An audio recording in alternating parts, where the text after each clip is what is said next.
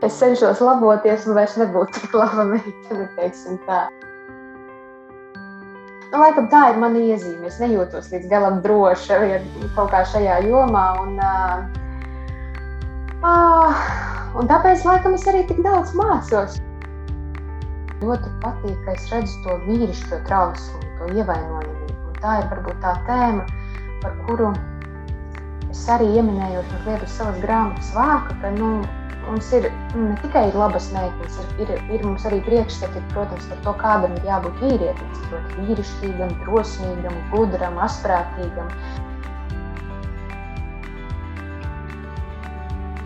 Sveicināti raidierakstā piedzīvot lapuses. Paldies, ka klausies arī šo sarunu. Ir klāta aprīlis, nu jau tad, kad jūs klausāties šo sarunu, aprīlis ir tā pamatīgi ieskrējies, bet mēs šo sarunu ar manu viesņu ierakstām 1. aprīlī. Un marts ir tikko pagājis, un ja jūs atceraties vēl martu, tad uh, raidieraksta piedzīvot lapuses Marta grāmata bija Agneses Zarānas stāstu krājums Laba meitene. To mēs lasījām paši, uh, lūdzām savus klausītājus lasīt un, un gaidījām atsauksmes. Uh, Un šodien es sarunāšos ar šīs grāmatas autori, ar Agnesi Zarāni. Sveika, Agnese! Sveika!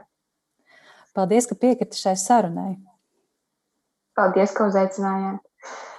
Jā, tu, eh, tu esi rakstniece, tu esi stāstu krājuma laba meitene, autore, kā arī tev ir iznākusi vēl pirms eh, šīs grāmatas eh, romāns jauniešiem slīdošās kāpnes. Tā ir, jā. ne? Jā, jā. jā stāstī. Sāksim ar vienkāršāko stāstu. Kā tu šobrīd jūties, kā iet tev un kā iet grāmatai laba meitene?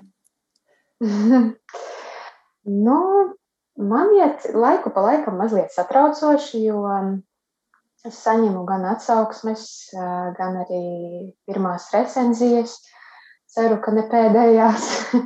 un tas viss ir ļoti patīkami, bet arī ļoti satraucoši, jo Nu, tas piemērs, protams, ir ļoti banāls, bet nu, grāmata tas tiešām ir kā bērnu palaist.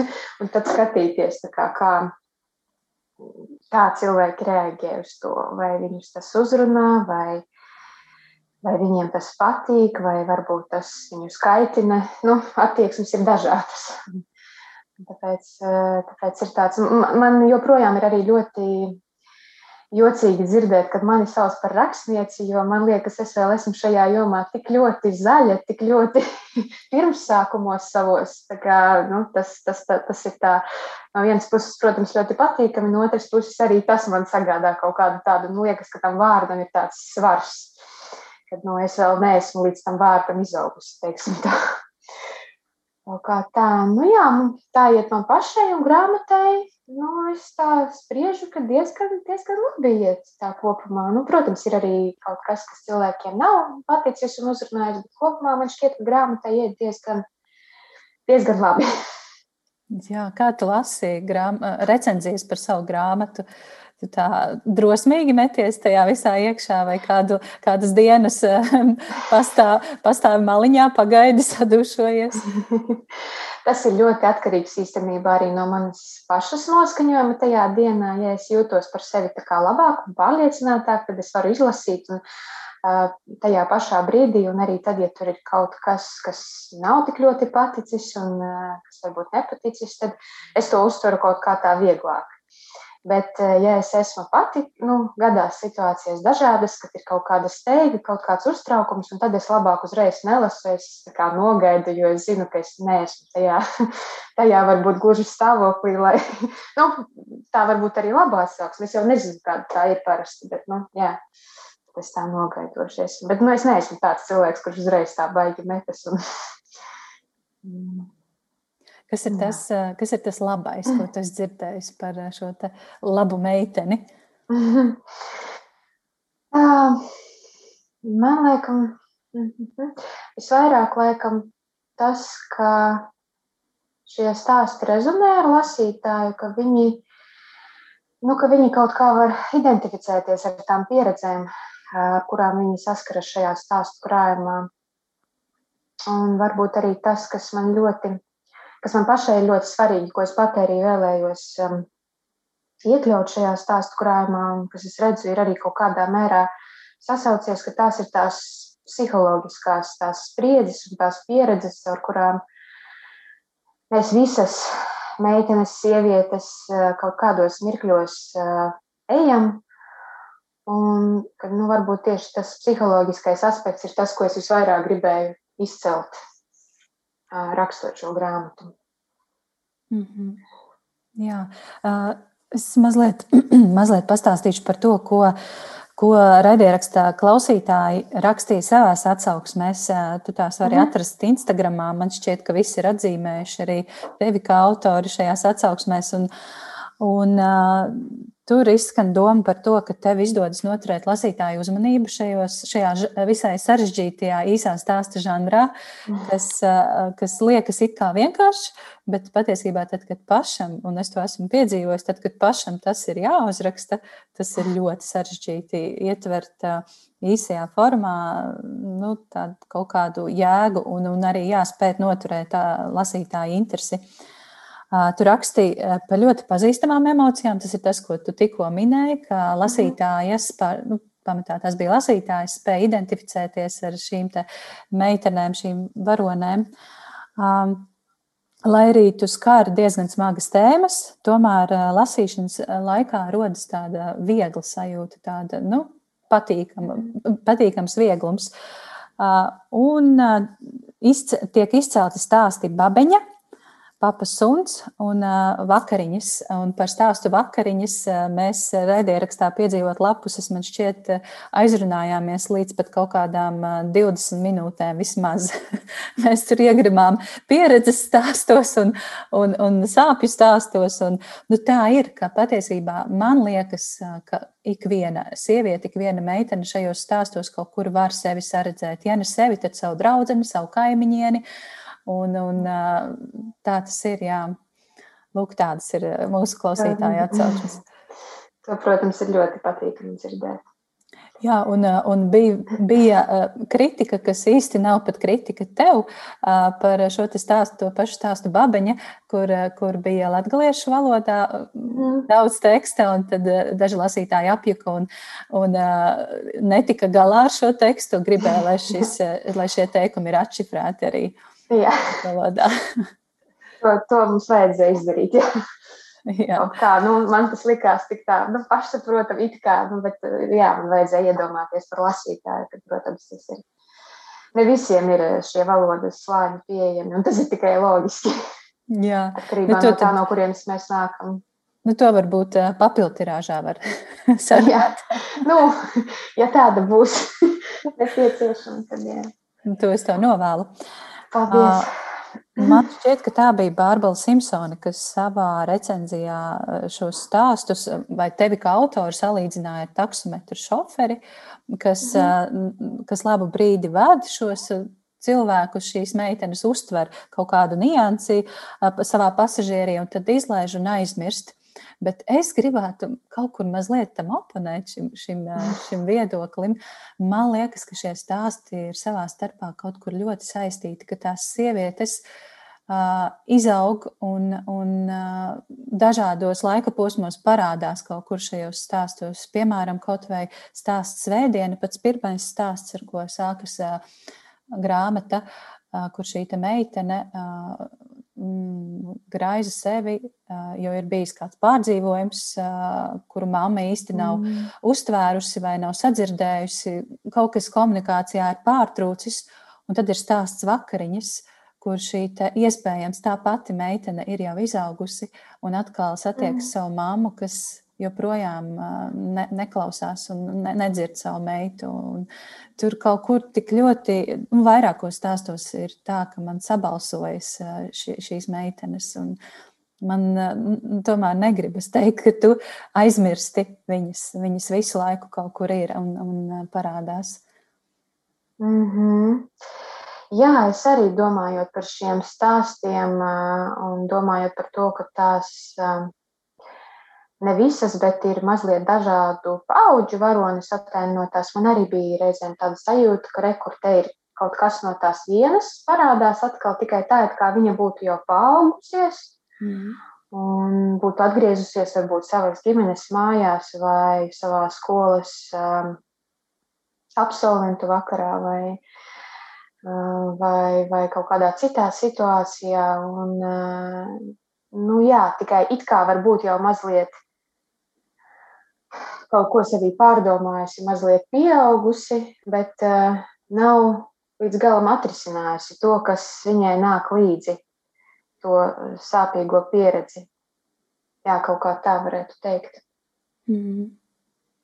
Cik, cik personiski ir šie stāsti? Vai tu pazīsti šīs labās meitenes, vai tu pasi, pati esi kāda no viņām? nu, es domāju, ka lielākajā daļā stāstu ir daļa arī no manis. Mm, bet uh, tas nav tā kā viens pret vienu, nav norakstīta mana biogrāfija. Tā es parasti nedaru. Es jaucu kopā savu fantāziju un savu piedzīvoto, pieredzēto, un varbūt pat uh, kaut kādā ziņā vairāk tas ir uh, izjustējis. Tās varbūt nevienmēr ir tās pašas situācijas, bet, uh, bet tas, ko es pati esmu kaut kad arī izjutusi, un varbūt tagad es jau varu vienkārši, nu, neesot to emociju epicentrā, vienkārši atskatīties uz to tā mazliet vēsāku prātu un mazliet varbūt kaut kā to. Bet, protams, ne visos stāstos ir arī uh, Ir arī tādi stāsti, kas nāk no dzimtes, kas nāk no kaut kādiem novērojumiem, tuvinieku draugu ģimenēs, kas arī nav viens pret vienu, protams, bet nu, parasti ir tā, ka man liekas, ka man vienā tēlā varbūt arī sajaukušies kaut kādi vairāki cilvēki, ko es pazīstu.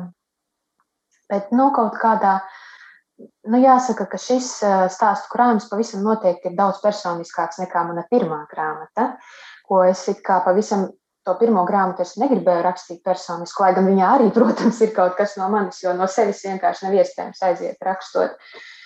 Bet eh, nu, šis bija tāds jā, stāstu krājums, ko man pašai bija varbūt savā ziņā sāpīgāk reizēm rakstīt, bet no otras puses nu, tas bija kā, man lielāks izaicinājums, bet no otras puses arī lielāks gandarījums to izdarot. Nu, kā norakstot kaut ko varbūt ar sevis.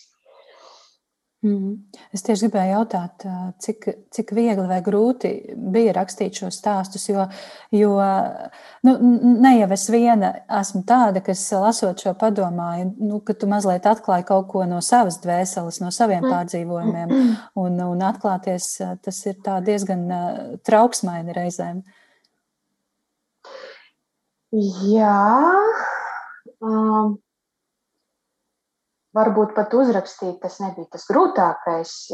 Nu, dažkārt tas ir tā, ka tu raksti un tev liekas, ah, tu kaut ko vēl atklāji par sevi tajā situācijā, bet, bet uzrakstīt tas nebija tas grūtākais. Grūtākais bija laist viņu uz ārā, kā sūtīt publikācijām, jā, jo daži no tiem stāstiem ir publicēti arī, arī literatūras periodikā, Un, protams, ka visbažīgākā es biju attiecībā uz to, kāda tad būs reakcija.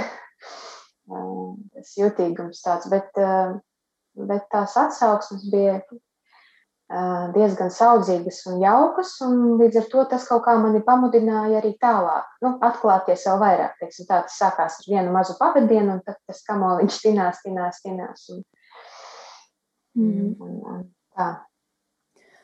Jā, man pašai eh, vispilgtāk eh, prātā palicis eh, stāsts Papa Suns par šo mm. meiteni, kas savos 18 gados jau ir vardarbīgās, būtībā vardarbīgās attiecībās, un tas ir tik aktuāli šobrīd par to runāt, un, un tāpēc es tik ļoti vēlos, lai šo grāmatu lasa gan jaunas, gan, gan netik jaunas meitenes un sievietes, uh, lai mēs ieraugām sevi, lai mēs ieraugām to situāciju no malas un, mm. un nu, mēģinām tikt no tās situācijas vaļā savā dzīvē.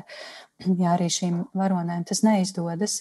Un noteikti stāsts, stāsts Babeņa, kas patiesībā mani pārsteidz, ka arī citiem lasītājiem tas ir palicis ļoti spilgti prātā, jo tur nekas taču tāds nenotiek. Nenotiek. Bet tajā ir tik mm. kaut kas laikam kaut kas ļoti aktuāls, man liekas. Tur šo, tajā stāstā ir tas, ko mēs visi šobrīd saprotam un pārdzīvojam. Nu, jā. Tas sasaucas ar šo laiku kaut kādā mērā, protams. Jā. Bet, ko es vēl gribēju pieminēt par papasuni, tas man pašai arī ir viens no tādiem nu, šis īstenībā ir stāsts, ko man bija visgrūtāk uzrakstīt. Un es viņu rakstīju daudzu gadu garumā, kaut arī tas šķietami ir īsts, īsts stāsts. Bet tie bija kaut kādi tādi notikumi, no kuriem es nekādi nevarēju tikt vaļā. Man bija grūti kaut kā viņu vispār izrakstīt no sevis laukā. Un man liekas, ka šis, nu, par šo es arī ļoti, man, man šķiet, ka šis ir tāds svarīgs tādā ziņā, ka uh, ka, teiksim, tā bērnība un tie pusauģi gadi, um, mēs tajā brīdī pavisam nesaprotam, kas ar mums notiek. Un, uh, tur ir ļoti daudz uh, iespēju manipulēt ar mums, kaut kā vardarbīgi pret mums izturēties. Bieži vien tā nemaz nav kaut kāda. Tā nav obligāti jābūt fiziskai vai seksuālai vardarbībai. Nav mm. obligāti jābūt kaut kam tik dramatiskam, bet uh, arī šī emocionālā vardarbība ir ļoti, ļoti, ļoti, ļoti sāpīga pieredze, kas pēc tam atstāja ļoti dziļas sekas, problēmas attiecībās arī ar citiem cilvēkiem un, un attiecībās pašam ar sevi, ar savu mm, pašziņu un pašapziņu. Līdz ar to man likās svarīgi par, par šo tēmu runāt jo tajā laika posmā mēs tiešām nesaprotam, kas ar mums notiek. Un tikai atskatoties uz to un tā mazliet pāanalizējot, ja ir tāda iespēja atskatīties un pāanalizēt, ja nav tas nokavēts un, un aizies tādās attiecībās eh, ļoti dziļumā, teiksim tā. Mm -hmm. Jā, jā, ļoti, ļoti precīzi. Vai, vai nu paveicis tajā vecumā, vai, vai ļoti mhm. nepaveicis, jā, un tas var atstāt būtiskas sakas. Uh, visai turpmākajai dzīvei. Vēl es nezinu, cik daudz tas ir tev, bet es gribētu teikt paldies par vāka dizainu. Jā. Man šķiet tik mhm. precīzi. Tik precīzi. Un tā, roka, dizains, un tā roka, kas tur šo mazo meiteni, lelīti, meiteni, sievieti, mūs, mm -hmm. šis tā, jā, tāds sabiedrības vai vecāku, vai sabiedrības, vai draugu simbols, kas mūs vada, visi šie stereotipi un tas, ko no mums sagaida un tas, kā mūs grib redzēt. Un, jā, um, kā, kā ir ar tevi pašu? Cik laba meitene esi tu? es cenšos laboties, un vairs nebūtu tik laba meitene. Um, Nu, man ir diezgan reizēm grūti nodalīt sevi to, ko es tagad daru, tāpēc, ka man liekas, ka to no manis sagaida, un ko es tagad daru, tāpēc, ka es to tiešām vēlos, un tāpēc, ka man tas tiešām ir svarīgi. Bet es cenšos, es mācos, un man liekas, mūsu laikmets ir tieši brīnišķīgs ar to, ka mums ir ļoti daudz iespēju, ļoti daudz dažādu iespēju strādāt ar sevi. Uh, analizēt savu rīcību un, un arī savā ziņā dzied, nu, dziedēt sevi, palīdzēt sev tādā ziņā, ka, nu, jā, man grūti izvērtēt, protams, to. Droši vien, kad jāvadās vairāk pēc tās iekšējās sajūtas, bet šo, šobrīd es jūtos diezgan tā kā kaut kur pa vidu starp labu meiteni un starp savu, varbūt, autentisko es. kas gan jau kaut kādā brīdī, kā, nu, es ceru, ka būs, būs tomēr tuvāk tam autentiskajam es. Mm -hmm. Nu, man liekas, tas ir ļoti sarežģīts, sarežģīts uzdevums eh, tikt vaļā no tās eh, labas meiten, labās meitenes apziņas. Mm -hmm. Īpaši mums 30 eh, gadnieku paudzē, kas, kas vēl ir dabūjuši šīs atskaņas diezgan striktās audzināšanas. Jā. Un, un mm. Tu nerunā, tad, kad pieaugušais, pirms pieaugušais tevi nav uzrunājis, un tad, kad cie, ciemiņi atnāk, tu ej uz savu istabu un klusi, esi klusa un kārtīga un, un, un tāda, tāda un šī tāda. Un, oh, es, es pati to joprojām jūtu un nevaru tik viegli no tā tikt vaļā. Bet, eh, nu jā, paldies, ka ir šāds stāstu krājums, kas, kas izgaismo šo uh, problēmu. Un, uh, jā, kā, kā, kā būs ar uh, grāmatu Labie zēni? oh, nu. Jā, par labajiem zēniem varētu kāds labais zēns uzrakstīt, es domāju.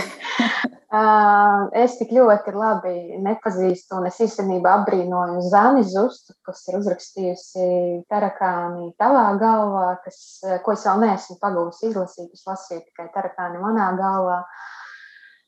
Un, jā, man liekas, tas ir ļoti sarežģīts uzdevums. Un, um, man vēl ir tā sajūta, vienmēr, kad es pat sevi tik labi nepazīstu īsti, kur nu es vēl varētu mēģināt iekļūt vīrieša galvā, saprast, kas tur notiek. Jā, man liekas, ka man vēl līdz tam ir kur augt. Es, es tiešām nezinu, vai tas būs tas, kam es pieķeršos un ko es darīšu. Mm. Šajā jomā, jā. Nu, ideja ir. jā, ideja man ir. Man ir, man ir. Jā, jā. bet uh, vēl mazliet paturpinot to tēmu par, um, nu, par, tiem, par, tiem, par to audzināšanu. Un, uh, es jau gribētu teikt arī, ka uh, es nekādā gadījumā negribētu uh, kaut kā ap, nu, nezinu, kā lai to pasaka, vainot vai, nu, teiksim, pārmest vecākiem. Vai pārmest, jā, jo viņi nāk no padomju savienības, viņu vecāki nāk, un tur ir vēl smagāka vēsture bijusi, un uh, Un īstenībā man liekas, mēs vēl kādu laiku dzīvojamies par to visu. Atskaņas tiešām ir jūtamas un viņas būs jūtamas, bet es ceru, ka tomēr mums e, izdosies izrāpties laukā no, no tā laikmeta nospieduma, un ka jau mūsu bērni un viņu bērni jutīsies tomēr drošāk būt tādi, kādi viņi ir, un nekaunēties un nejust sevī vainu par to, kas viņi ir un kādi viņi ir. Mm. Jā, kaut kā tā. Jā, protams, nekādu pārmetumu mūsu vecākiem, jo es ticu, ka viņi darīja visu no sirds, cik, cik nu bija tajā laikā iespēja un zināšana. Un, jā. Interesanti, ka šajā stāstu krājumā ir arī dzēja. Tevis pašas mm. rakstīti vārdi, un kā es kādā intervijā dzirdēju, ka tu savu rakstnieces karjeru, ja tā var teikt, sāki ar dzējas rakstīšanu. Jā. Kā tas izskatās? Pastāsti. Uh, jā, es sāku rakstīt dzēju jau kaut kādos 11 gados. Um, laikam arī tāpēc, ka es vairāk tajā periodā varēju identificēties ar dzēju. Man patika lasīt dzējniekus. Un uh, tad, kad tu kaut kā atrodi sevi, savu varbūt savu izjūtu atspoguļojumu dzējā, tad varbūt arī tā kā man gribējās arī kaut kā izlikt kaut ko no sevis, tad es arī sāku ar dzēju.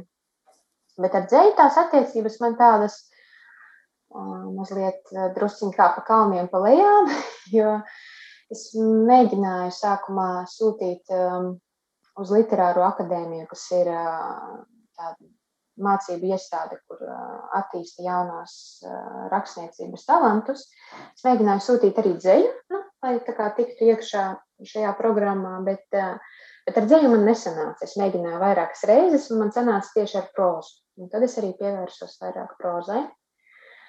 Jā. Um, bet um, tas bija diezgan la, labu laiku atpakaļ, tie jau kādi desmit gadi ir pagājuši, kad es pirmo reizi tiku literārajā akadēmijā ar prozu.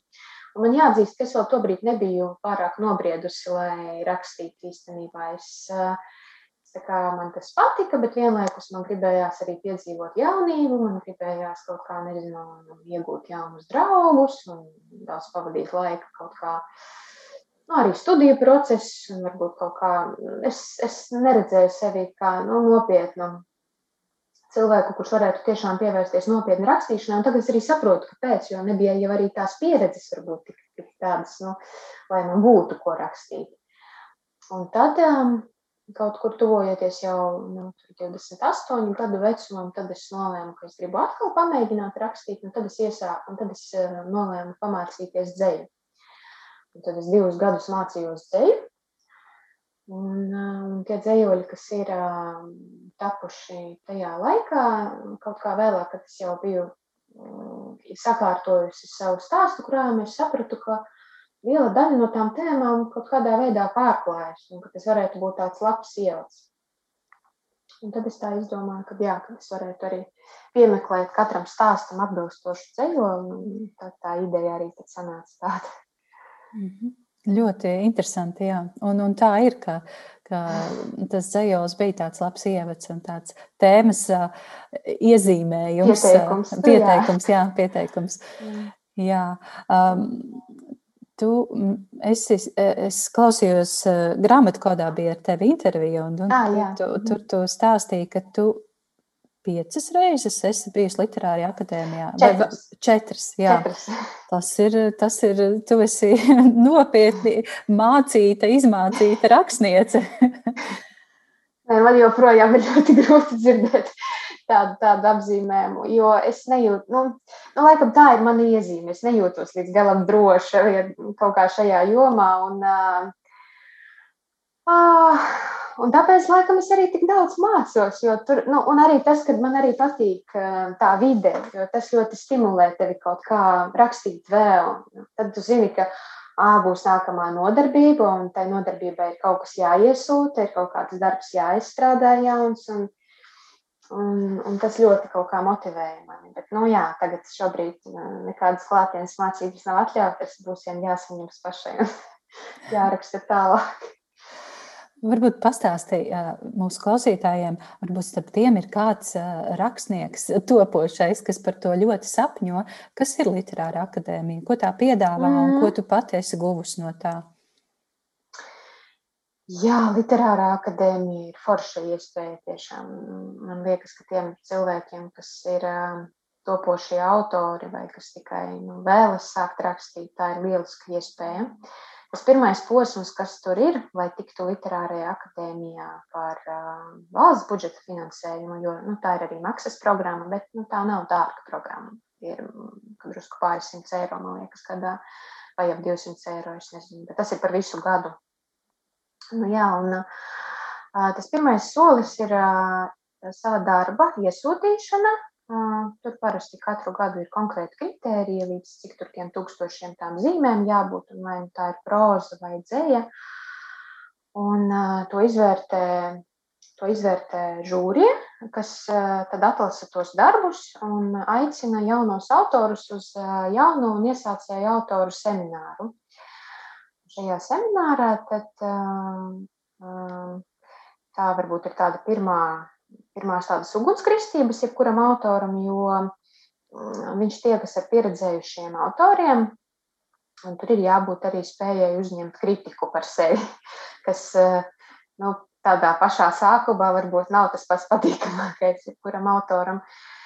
Taču mm, šie rakstnieki nu, ir visādi, kas, eh, kas eh, komentē, bet nu, tomēr, tomēr bieži vien viņi pasaka arī kaut ko tādu jauku un patīkamu, un tādu, nu, ka, ka nav viss tik slikti un ka ir vērts turpināt rakstīt un mēģināt.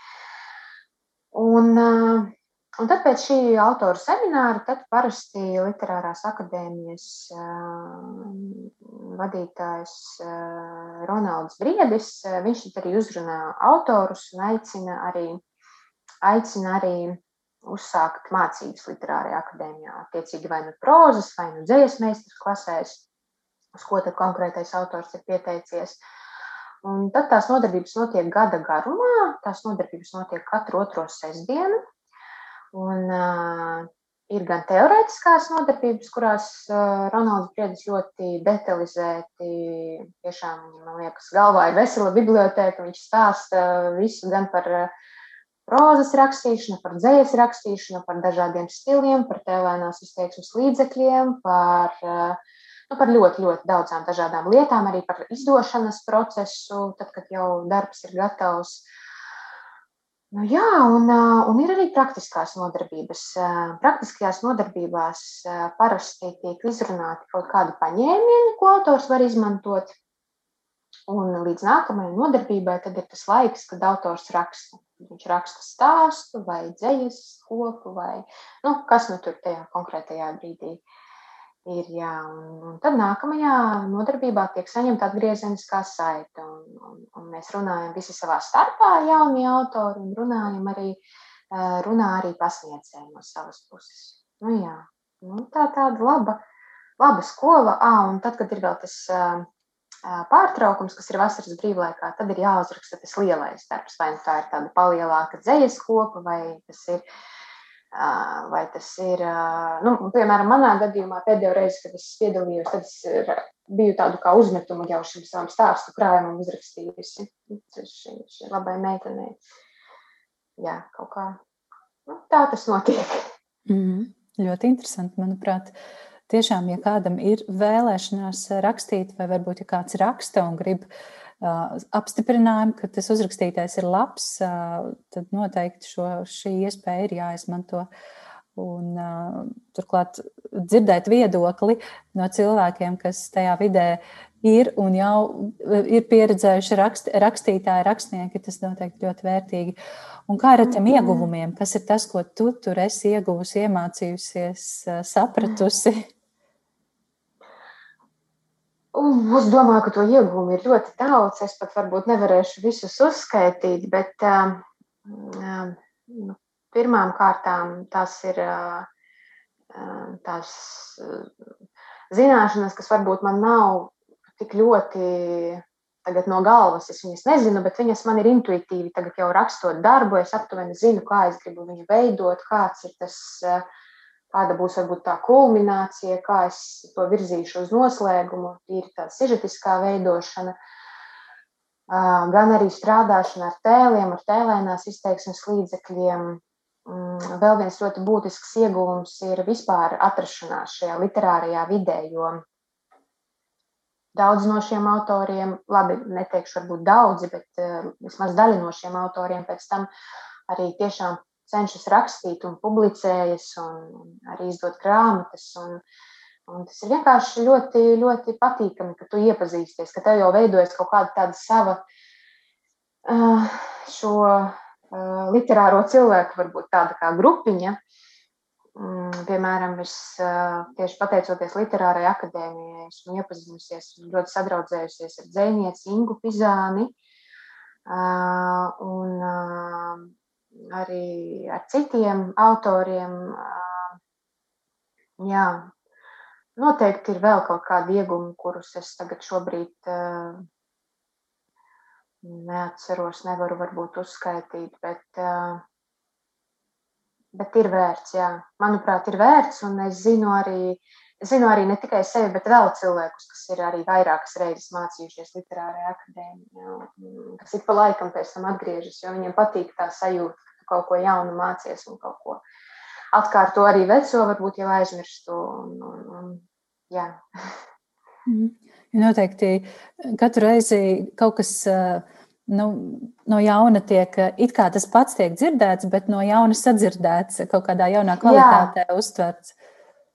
Jā, arī tas ir gluži tāpat kā reizēm skatoties kādu filmu vai lasot kādu grāmatu. Mēs neustveram visu. Mēs ļoti atkarīgs no tā, kādā mēs esam dzīves posmā, kādā noskaņojumā mēs kaut ko mēs paņemam, un pēc tam, pēc kaut kāda laika, kad mēs atkal atgriežamies pie, šie, pie šī darba, mēs saprotam, ka, ah, bet es taču nebiju vispār pamanījis šo īstenībā, cik tas piešķir tam darbam kādu vērtību. Tāpat ir arī jā, ar rakstīšanu un, mācīšanos noteikti. Jā.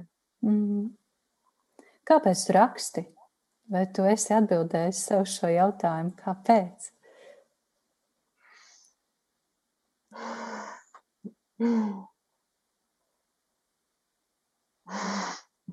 Es vienkārši kaut kā citādāk. Nu, mm, nē, nu, man ir bijuši posmi, kad es neesmu rakstījusi. Ir bijuši arī tādi posmi manā dzīvē, kad es esmu pēc studijām, teiksim, sākusi strādāt, un tad man bija maz laika, bija daudz kas jauns jāapgūst. Un, bet es esmu jutusies diezgan slikti šajos posmos. Kaut kā es mm, ik pa laikam atgriežos pie tās rakstīšanas.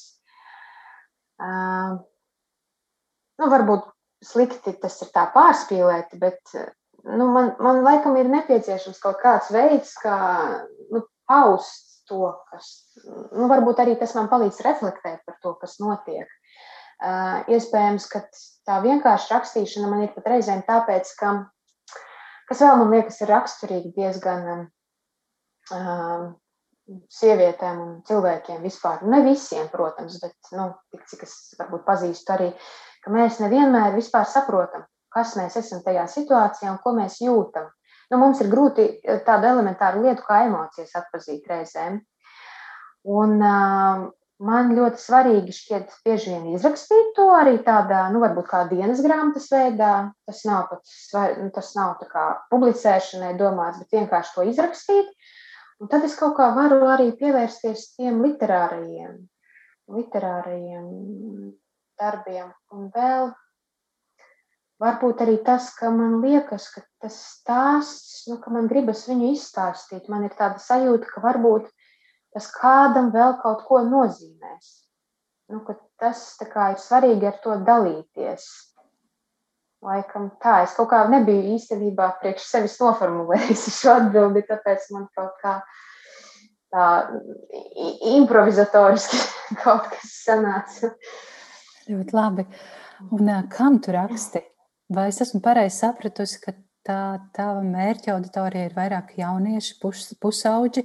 Vismaz uh -huh. pirmā grāmata bija tiešām šai auditorijai. Jā. Par, par otro es teiktu, ka tas ir visiem, visām, visa, visa paudžu sievietēm. Bet jā, kas, uh -huh. kā tu redzi to savu lasītāju? Jā, tas ir diezgan precīzi. Par pirmo grāmatu es biju pilnībā pārliecināta, ka tie būs pusauģi un kad es rakstu tieši viņiem. Un savukārt par šo grāmatu man tomēr bija sajūta, ka jā, jaunieši, bet arī vecākas paudzes sievietes, jā, sieviešu auditorija noteikti. Mm -hmm. Un, un kas tad kas tālāk? Vai tu, vai tu turēsi tajā pusauģu virzienā, vai tomēr paplašināsi savu to lauku, mm -hmm. lasītāju lauku? Labs jautājums. Man šobrīd ļoti ir mainījušies dzīves apstākļi, tāpēc, ka esmu kļuvusi par mammu, un tas aizņem tik daudz laika tik daudz manas ikdienas, kas ir, protams, arī ļoti patīkamas rūpes, bet uh, ir diezgan grūti sevi nodalīt, kurā brīdī es tagad varu atļauties rakstīt. Tāpēc man drusku vēl ir jāsaprot um, tās savas lomas, un tad varbūt arī es sapratīšu, man ir šādi tādi uzmetumi, bet es pagaidām nezinu, vai tas attīstīsies kaut kā plašāk, vai tas paliks tikai kā melnraksts, un es pieķeršos pie kaut kā pavisam cita. Es pašlaik uh, neko nevaru solīt, vai, nu, jā. Mm. Man izklausās, ka, ka tas, tas, ko tu raksti, tas auga līdz ar tevi, ka tas kaut kā attīstās mm. līdz ar, ar to, kas notiek tavā dzīvēm. Jā, Jā droši vien. Ar interesi gaidīs, gaidīšu, kas tad, kas tad būs tālāk. Varbūt šis, šī pieredze iedvesmos tevi. Varbūt kādai bērnu grāmatai, varbūt, varbūt. kaut kam pavisam nopietnam, pieaugušiem domā, domātam. Gaidīsim. Uh, labi, Agnese, pirms mēs runājam tālāk, man ir ātrais uzdevums. Tev viens tāds interesants uzdevums. Es nosaukšu. Nekas, nu, es ceru, ka tas nebūs ļoti sarežģīti. Es nosaukšu vienu latviešu rakstnieku, un tev pavisam īsi, vai nu tas būs viens vārds vai divi vārdi, varbūt viens teikums jāraksturo, ko tu par šo rakstnieku domā, vai kā tas tev liek justies. Tas ir, tas ir trausīgs uzdevums, priekš labas meitenes. Tagad es domāšu visu laiku. Labi. Es būšu saudzīga. Es būšu saudzīga. Mm, labi. labi, esi gatava? Jā. Imants Ziedonis. Pavasaris. O, Kārlis Vērdiņš. Ironija. Aleksandrs Čaks. Oh, um, ielu dzīve. Rīga. Aspazija. Um, emancipācija. Un pēdējais, bet uh, svarīgākais iespējams, Inga Pizāne. Oh, mm, gribējās teikt mīlestību, laikam, lai tā arī paliek. Brīnišķīgi. Super, paldies, paldies. Tu esi izturējusi, uzdevums arī izpildīts. Un nebija tik traki, vai ne? Nebija traki, ne. Forši. Kas ir tavas iedvesmas, domājot gan par, par tādām tveramām, netveramām lietām, par citiem rakstniekiem? Kas ir tas, kas tev iedvesmo? jā, man iedvesmo garas pastaigas, jo tas arī ir labs veids, kā izveidot galvu un nonākt pie kaut kādas idejas par to, ko varētu rakstīt. Man iedvesmo arī citu autoru darbi, un tas var būt gan, tā var būt gan grāmata, gan, gan filma. Ah, jā, droši vien, tās ir arī sarunas. Un, un tā pavisam noteikti manā dzīvē tā ir arī uh, uh, sevis iepazīšana ar dažādiem psiholoģiskiem paņēmieniem, jo nu, tā kā es diezgan rakstu tomēr personiski, tas man ir ļoti svarīgi arī pazīt pašai sevi un, un izprast, lai es varētu rakstīt. Jā. Droši mhm. vien ir vēl kaut kas cits, ko es tagad esmu aizmirsis pieminēt.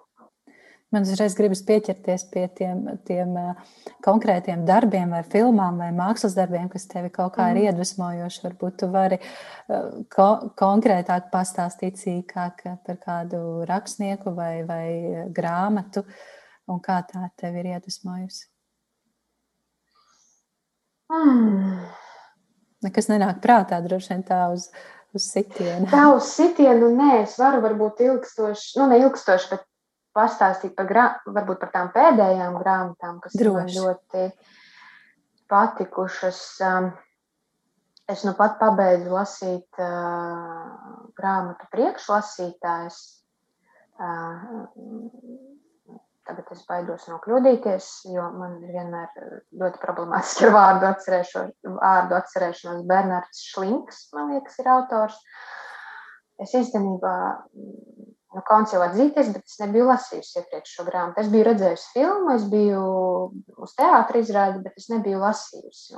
Man pārsteidza šīs grāmatas arī tas psiholoģiskais tvērums un dziļums. Un, um, un izlasot šo grāmatu, man bija tāda sajūta, ka es gribētu spēt pateikt tik daudz, arī salīdzinoši tik uh, maza formāta romānā. Jo nu, tas ir tāds ļoti īss arī salīdzinoši romāns. Jā, tad um, Tad viena no tām grāmatām, kas man arī ir ļoti uzrunājusi un ļoti patikusi, ir uh, grāmata, kas it kā ir domāta bērnu auditorijai, bet patiesībā ļoti daudz ko pastāsta pieaugušajiem. Grāmata ar nosaukumu Mans vectēvs bija Kiršu koks itāļu autors. Es atkal neatceros autoru, man ir ļoti liels kauns. Šķiet, ka Anģela Nanetti. Jā, jā, jā, jā, jā Anģela Nanetti. Jā. Es, es, ļoti, es tiešām slikti atceros vārdus. Man reizēm tas ir normāli. Kad, kad neatceros tos cilvēkus, kurus satieku uz ielas, es zinu, ka jā, es šo cilvēku zinu, es par viņu varu kaut ko pat pastāstīt, bet vārdu es neatceros. Jā, tad no šī gada, no pēdējā laika lasītā, man ļoti ir paticis Ingas Gailas romāns rakstītāja. Tas ir ārkārtīgi patikusi forma, kādā viņa to ir sarakstījusi. Man ir ārkārtīgi uzrunājušas tās tēmas, kuras viņa ir skārusi. Man ir ļoti paticis, ka viņa ir spējusi dažādās nodaļās iejusties dažādos tēlos un tomēr stāstīt stāstu par Ivanu Dikaju. Jā, man liekas, tas ir viens no labākajiem darbiem. Uh, kas ir pēdējā laikā lasīts. Un man īstenībā arī ļoti patika Viļa Kasima grāmata Lizardīna Blues.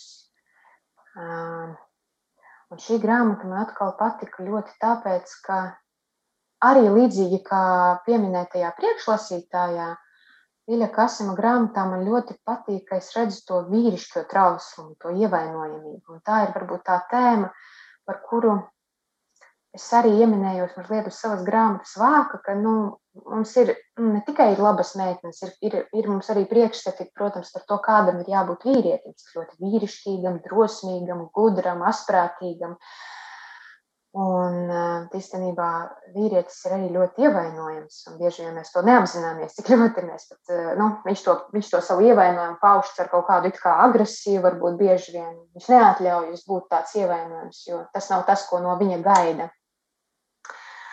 Un, jā, man ļoti patika tieši, ka šajā grāmatā šis ievainojums ir uh, jūtams un, un, un šis liriskais varonis nebaidās par to runāt arī. Jā, kaut kā tā. Jā, nu, par, to, par to labo zēnu, labo vīriešu tēmu. Nu, tāpēc jau es saku, ka ir jāraksta tas vēl viens stāstu krājums. Man liekas, ka tas, tas tiešām ir ļoti, ļoti būtiski runāt arī par to, cik daudz emociju un cik daudz sāpīgu emociju ir arī zēnos un, un vīriešos. Un, tas, ka forši, ka mēs runājam par sievietēm, par to noteikti ir jārunā, bet ļoti interesanti būtu arī sadzirdēt uh, to, kas notiek nu, tajā, tajās galvās, tajās, Jā. ko mēs varbūt mm. nu, nedzirdam un nesaprotam. Jā, kā vispār ir rakstniekam lasīt citu rakstnieku darbus? Nu, man, man šķiet, ka es baidītos ietekmēties. Tu, tu nejūti neko tādu, tādas bailes. Es domāju, ka tajā nav nekā tāda, nu, ja vien tu pilnībā nenoraksti visu autoru stilu un Es domāju, ka mēs noteikti ietekmējamies visi viens no otra. Tas ir neizbēgami. Un, protams, kad es palasu kaut kādus savus pavisam agrākos darbus, tur jau ir tādas pavisam redzami, ah, nu, te es lasīju to autoru, tātad nu, es esmu ietekmējusies no viņa. Un, nu, tie darbi, protams, ir tādi, kurus es nepublicēšu. Nu, tas ir tad, kad varbūt tā lasīšanas pieredze nav tāda pietiekoša, un varbūt, ka tu esi izvēlējies kaut kādu vienu, divus, trīs autorus, kas tev ir paši, paši mīļākie, un, un tu neviļus sāc rakstīt līdzīgi viņiem. Bet um, es tiešām domāju, ka tas, uh, nu, man tomēr šķiet, ka tas ir neizbēgami. Tu ne, to mums arī literārajā akadēmijā, teiksim tā, nu, bieži mācīja, ka nu, ir tādi autori, kas uh, saka, es nelasu vispār citus darbus, jo negribu ietekmēties. Bet, uh, bet nu, nu, tas nav kā. Nu,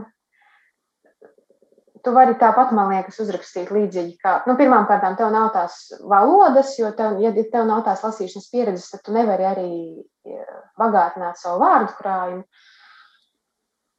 Un arī kā tu vari varbūt saprast, kā, nē, nu, es pieļauju, ka ir tādi ļoti talantīgi autori, kas tiešām var nu, nelasīt un rakstīt. Nu, es neesmu viņu pulkā noteikti. Man ir svarīgi lasīt. Bet nu, es nevaru sevi nosaukt arī par tādu ļoti, eh, ļoti, ļoti lielu lasītāju, jo es lasu, bet nu, tiešām man, man, man es tā selektīvi, sevišķi pēdējā laikā atlasu tos darbus. Eh, es nesen klausījos tavu sarunu ar Jūliju Dibovsku, un viņa teica, ka uh, Viņa nemaz nezina, vai kāds nu, las, lasa tās, tās recenzijas, kad nu, viņa ne, nezina, vai tas ir tas žanrs, ko kā, Bet īstenībā es lasu, jo uh, man ir, nu, tā kā es zinu, ka man ir ierobežots tas laika apjoms, piemēram, bērnu diendusa, vai arī tad, kad viņš aiziet gulēt vakarā, un, un tad es zinu, ka nu, man nav tik daudz laika, lai es varētu lasīt visu pēc kārtas, un tad es nu, ietekmējos arī no tā, ko kritiķi raksta, un ja man liekas, ka man šis darbs uzrunā, tad es tad es arī to lasīšu. Jā. Mm -hmm. Tā šī kritiķa recenzija tev ir kā tāds, tāds uh, rādītājs, vai tad izvēlēties šo grāmatu savam laikam, savam brīvajam laikam, vai tomēr nē. Jā, Jā nu un arī, un arī ir arī tādi autori, varbūt, kurus es nu, lasu gandrīz vienmēr, jo nu, es, man ir bijis iespējas jau par viņu grāmatām, un es zinu, ka es gribu viņus izlasīt. Tas, tas Kur arī ir. Uh, piemēram, tāpat Inga Gaila, ko es esmu nosaukusi, uh, arī Kārlis Vērdiņš, uh, uh, jā, arī, arī, arī, arī, nu, arī Inga Pizāne un uh, tā, tūlīt mēģinu vēl atcerēties. Jā, Māris Bērziņš. Ceru, mm -hmm. ka es mhm. pareizi nosaucu. Jā, tad tā aizliegtais pienīts un sina mm. garš mm. un gluten murkins. Jā. Uh, noteikti ir vēl kaut kādi autori, es vienkārši šobrīd visus varbūt nevaru atcerēties. Mm -hmm. Un uh, tad sarunas noslēgumā, kā, kā parasti, es saviem viesiem lūdzu ieteikt vienu grāmatu, raidieraksta zelta grāmatu sarakstam. Cik viegli mhm. tev, tev bija izdomāt šo grāmatu? Un izlemt, kura tad būs tā, ko tu iekļausi. Vai varbūt tur ir divas vai trīs grāmatas. man, man uzreiz ir pretjautājums, vai uh, tā drīkst būt arī nedaļa literatūras grāmata? Jā, protams.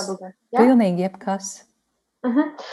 Tad man bija diezgan viegli, jo īstenībā, mm, ja būtu jāizvēlas viena daļa literatūras grāmatas, būtu ļoti grūti.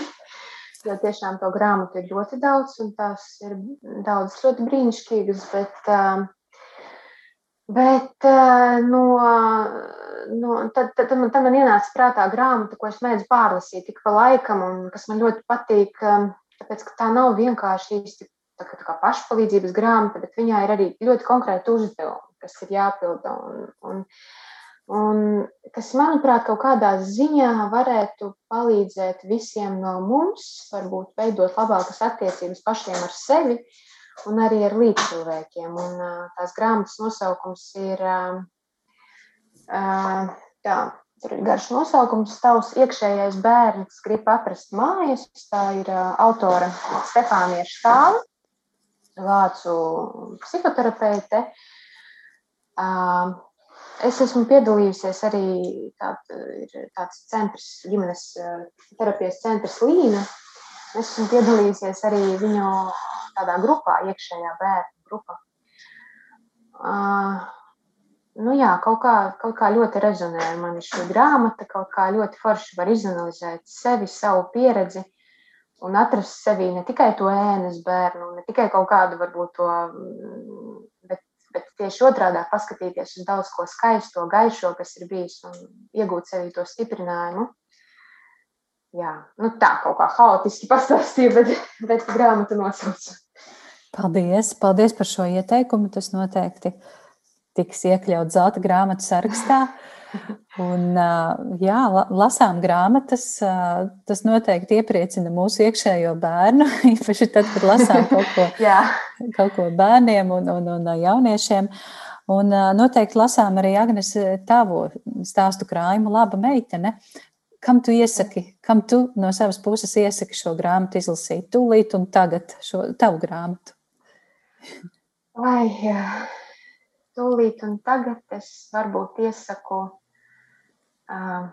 Es nezinu, vai tas ir pareizi šajā konkrētajā posmā to ieteikt, bet varbūt kādai sievietei, kādai meitenei ir tā sajūta, ka kaut kas, kaut kas īsti nav, un varbūt viņa, varbūt viņa atradīs to, kas īsti nav šajā grāmatā iespējams.